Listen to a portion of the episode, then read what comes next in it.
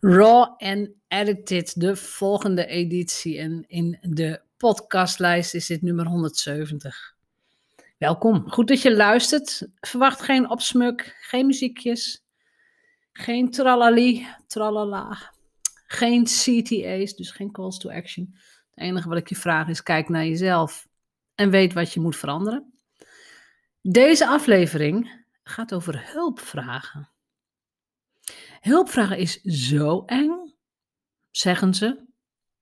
Waarop ik zeg, ja, niet hulpvragen, dat is pas eng.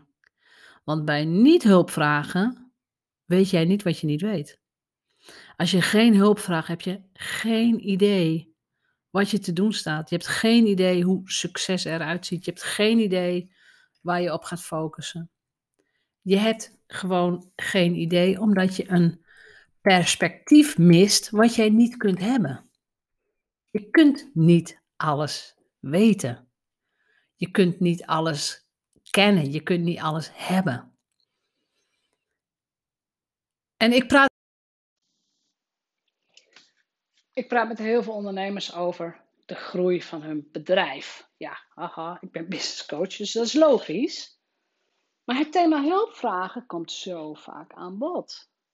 Ik durf geen hulp te vragen.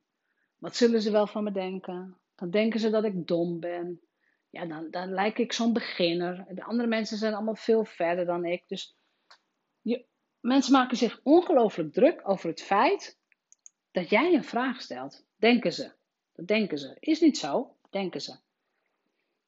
En hulpvragen is voor mij de essentie van goed ondernemerschap. Want de laag daaronder is natuurlijk dat jij dat je weet en dat je inziet wat jij niet weet. Dat je inziet dat je ergens vastloopt. Dat er een omzetplafond is, of een groeiplafond, of een klanten komen nog niet automatisch binnen plafond. Er is iets.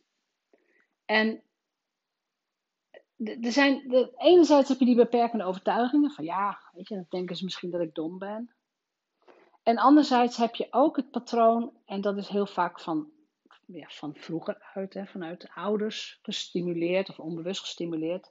Het patroon dat je het wel beter zelf kunt doen of dat je het liever alleen doet. Of dat je het alleen moest doen vroeger, omdat niemand jou te hulp kwam. En dat is natuurlijk voor heel veel dingen heel fantastisch. Hè? Dus op het moment dat jij leert van ja, je moet het maar lekker zelf doen. En of je dat nou bewust of onbewust leert. Dan komen daar, uh, daar komen ook kernwaardes bij. Dus mensen die dat, die dat mee hebben gemaakt, hè, dat ze het allemaal maar zelf moesten doen, die hebben heel vaak de kernwaarden onafhankelijkheid of autonomie heel hoog staan. En ik ga je een klein verhaaltje vertellen over een, uh, een masterminder van mij waar ik een VIP-dag mee had, een paar maanden geleden. Ze had een VIP-dag en tijdens de VIP-dag maken we altijd even weer een uitstapje naar wat zijn jouw kernwaarden. En zij zei heel trots, dus nee, nou, daar ben je tien minuten mee bezig, je maakt een lijstje enzovoort. Maar zij zei op een gegeven moment heel trots, je autonomie, dat is mijn topwaarde. Autonomie, ik doe het allemaal zelf, ik kan het allemaal zelf. Het heeft me al heel ver gebracht, kijk maar, dat was ook zo. Ze heeft al een prachtig bedrijf opgebouwd. Maar, maar ze was daar heel trots op. Dus die stond op nummer 1 te shinen, om het zo te zeggen. En we gingen verder met, met de fitdag. En we gingen door met wat andere oefeningen. En we gingen door met het uh, met het 10 kwartalen plan wat ik uh, gebruik. En in 10 kwartalen kun je, nou, kun je in ieder geval je business richting het half miljoen gaan trekken. Als je al op de ton zit, hè? niet vanaf nul, maar uh, als je al op de ton zit.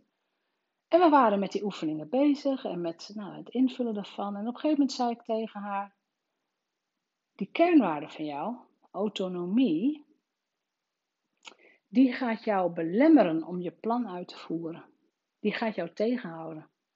Die kernwaarde, die dient jou niet meer. Dat was een nogal inzicht. Dus eh, de, term van ehm, je ziet het kwartje vallen was ook letterlijk wat ik zag. Ik zag dat het werd verwerkt, het ging naar binnen, het kwam terug. Ze keek me aan en ze zegt: Je hebt gelijk dit dient mij niet meer. Want als ik alles alleen moet doen, dan kan mijn bedrijf dus nu helemaal niet meer groeien.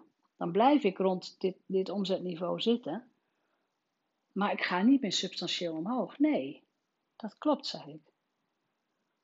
Wat we toen gedaan hebben, is dat we weer terug zijn gegaan naar die kernwaarden. En dat we de kernwaarde autonomie wel in de top 10 hebben laten staan, maar niet meer een top 3 plek gegeven hebben. Dus die hebben we, die hebben we laten zakken, die hebben we ingeruild voor een andere kernwaarde. Als je mij nou vraagt welke was het, weet ik niet eens meer precies wat het was, maar het had te maken met impact en verbondenheid. En uh, het heette niet netwerken, maar meer dat je, dat je er bent voor andere mensen. Die hebben we in de top 3 gezet. En toen ineens klopte het plaatje wel. Zij was daar nooit achter gekomen als ze niet de hulpvraag had gesteld aan mij: van Jeanette, hoe ga ik mijn business opschalen zodanig dat ik A. zelf er niet overspannen van word. En B. dat het straks kan gaan draaien zonder dat ik, zonder dat ik erin werk. En dan kan ik het eventueel gaan verkopen of het kan mijn pensioen gaan zijn, weet ik veel. Ze heeft een hulpvraag gesteld. En om die hulpvraag te stellen moet je dus heel eerlijk zijn en zeggen: Ja, ik, ik weet het niet. Ik ben tot zover gekomen in mijn eentje, maar nu weet ik het niet. Ik heb hulp nodig.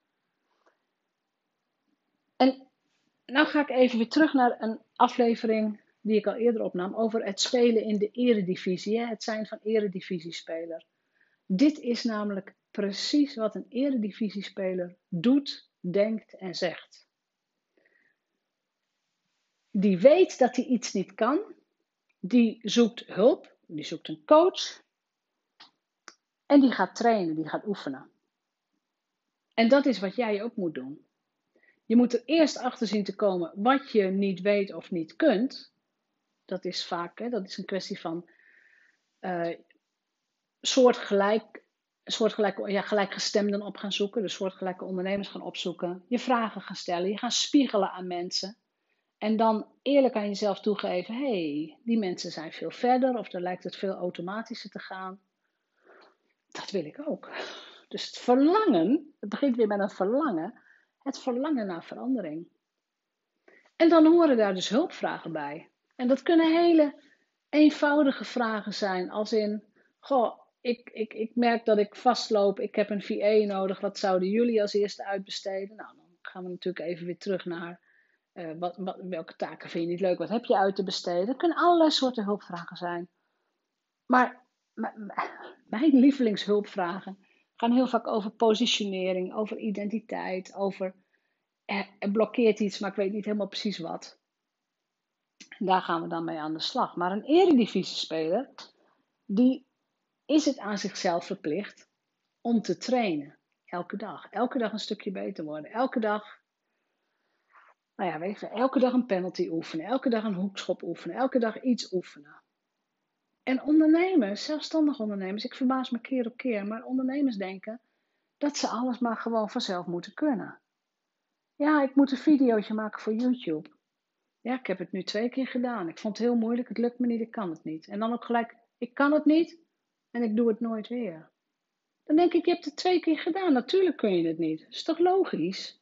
Je kunt niet een boek lezen en iets kunnen zonder dat je jezelf toestemming geeft om te oefenen. Bedoel, leren rijden, autorijden. Ik kan jou een boek geven, ik kan jou een filmpje laten zien. Dit is een auto, dit is een snelweg, hier is een boek. Nou, alsjeblieft, ga maar rijden. Natuurlijk niet. Dat kan helemaal niet. Dat kun je helemaal niet. Dat gaat ook niet goed. Leren zwemmen. Hier is een boek.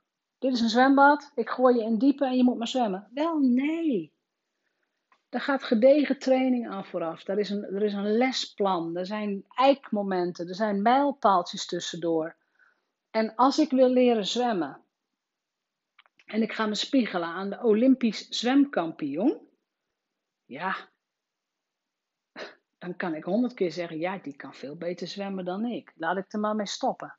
Wel nee, ik heb ook recht op mijn baantje zwemmen. Ik mag ook lekker in het zwembad. In een ander zwembad, in een andere, in een andere tijd die ik neerzet als ik uh, van de ene kant naar de andere kant zwem. Maar ik mag er ook plezier in hebben. Het mag mij ook voldoening geven. Dat is met ondernemerschap net zo. Natuurlijk zijn er ondernemers die miljoenen draaien. Who cares? Jouw business is van jou. Jouw business moet jouw omzet geven, moet jouw vreugde geven. Jij werkt met jouw lievelingsklanten. Jij hebt ook recht op dat baantje zwemmen. Je hebt ook recht op een business. En als je dat doorhebt, dan stop je dus ook met vergelijking. Hè? Oh, die heeft het allemaal zo goed voor elkaar. Nou en? Die is misschien al tien jaar langer bezig. Of die, die heeft dit spelletje eh, misschien sneller door. Nou en? Maakt niet uit. Die heeft andere talenten, zeg ik dan heel vaak.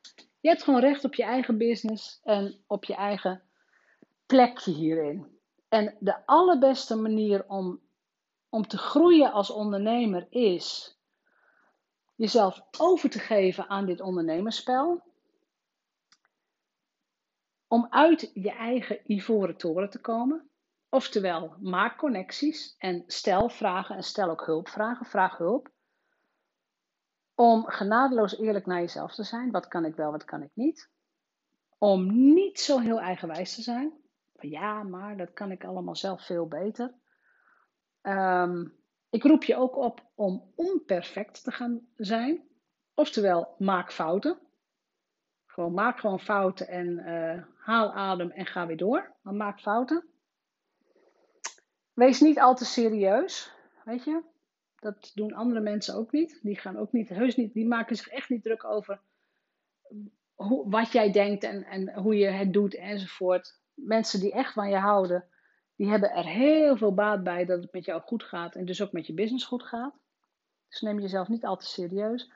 En ja, zoek de joy, hè, zoek de lichtheid ook op. Zoek ook de plek op waar je op een veilige manier een hulpvraag kunt stellen en waarvan je denkt, ah, oh, wat fijn dat die mensen mij willen helpen.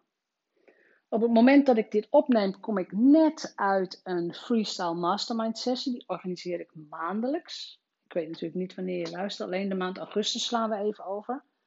Maar die organiseer ik elke maand en die kan iedereen op mijn kosten bijwonen. Je kunt je inschrijven via de website met de code Magische Mastermind. En dan krijg je de uitnodiging en kun je gewoon op tijd inloggen en meedoen. En dat is echt de eerste stap naar verandering. Dat is de eerste stap naar een, een ander soort business. Omdat als je daar de goede hulpvraag stelt, je input krijgt die jou een stapje verder helpt. En je, en je merkt dat het heel fijn is om dan een vraag te gaan stellen. Je merkt dat het heel fijn is om over je twijfels te praten. En je merkt dat het heel fijn is dat er anderen voor jou klaarstaan om jou te helpen. Dus hulpvragen eng? Ja, dat kan. Maar niet hulpvragen is veel enger. Want dan zit jij over tien jaar nog steeds op dezelfde positie als waar je nu zit. Dus dit is één groot pleidooi, voor openheid, voor hulpvragen, goede connecties opzoeken en voor plezier in je ondernemerschap.